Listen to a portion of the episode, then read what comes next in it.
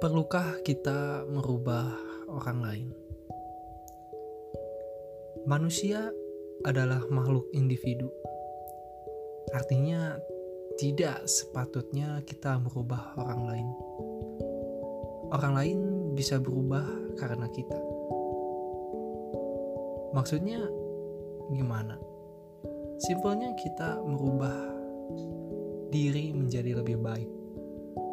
Setelah itu, pada akhirnya orang lain akan mengikuti kita berubah menjadi lebih baik. Bersikaplah tidak peduli dan ingatlah kebaikan kita belum tentu diterima oleh orang banyak. Kembali ke topik merubah orang lain adalah salah satu pemaksaan kita. Tapi bagaimana jika orang itu terjerumus ke jalan yang salah? Mungkin bisa ditolerir jika dia masih duduk di bangku sekolah. Siswa contohnya, atau anak kecil. Wajar, wajiblah kita untuk mengarahkan ke hal yang baik. Dan sebenarnya itu bukan merubah orang lain, namun mengenalkan dunia pada orang lain. Pertanyaannya adalah bagaimana untuk merubah orang lain?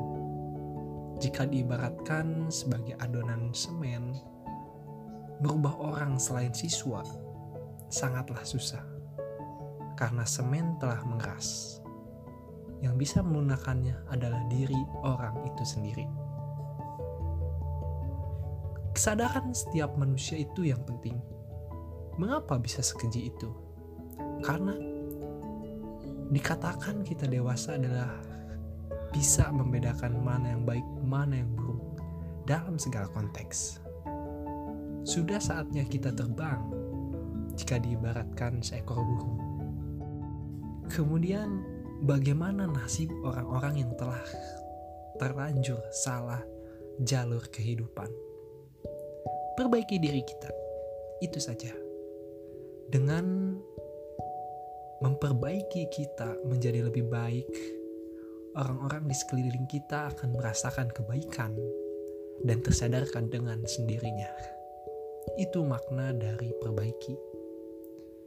Jika kita disibukkan memperbaiki diri orang lain, kita hanya makan waktu, buang waktu. Buat motivasi untuk diri kita sendiri. Niscaya orang-orang di sekitar kita mendapatkan dampak yang baik. Saling menguntungkan bukan?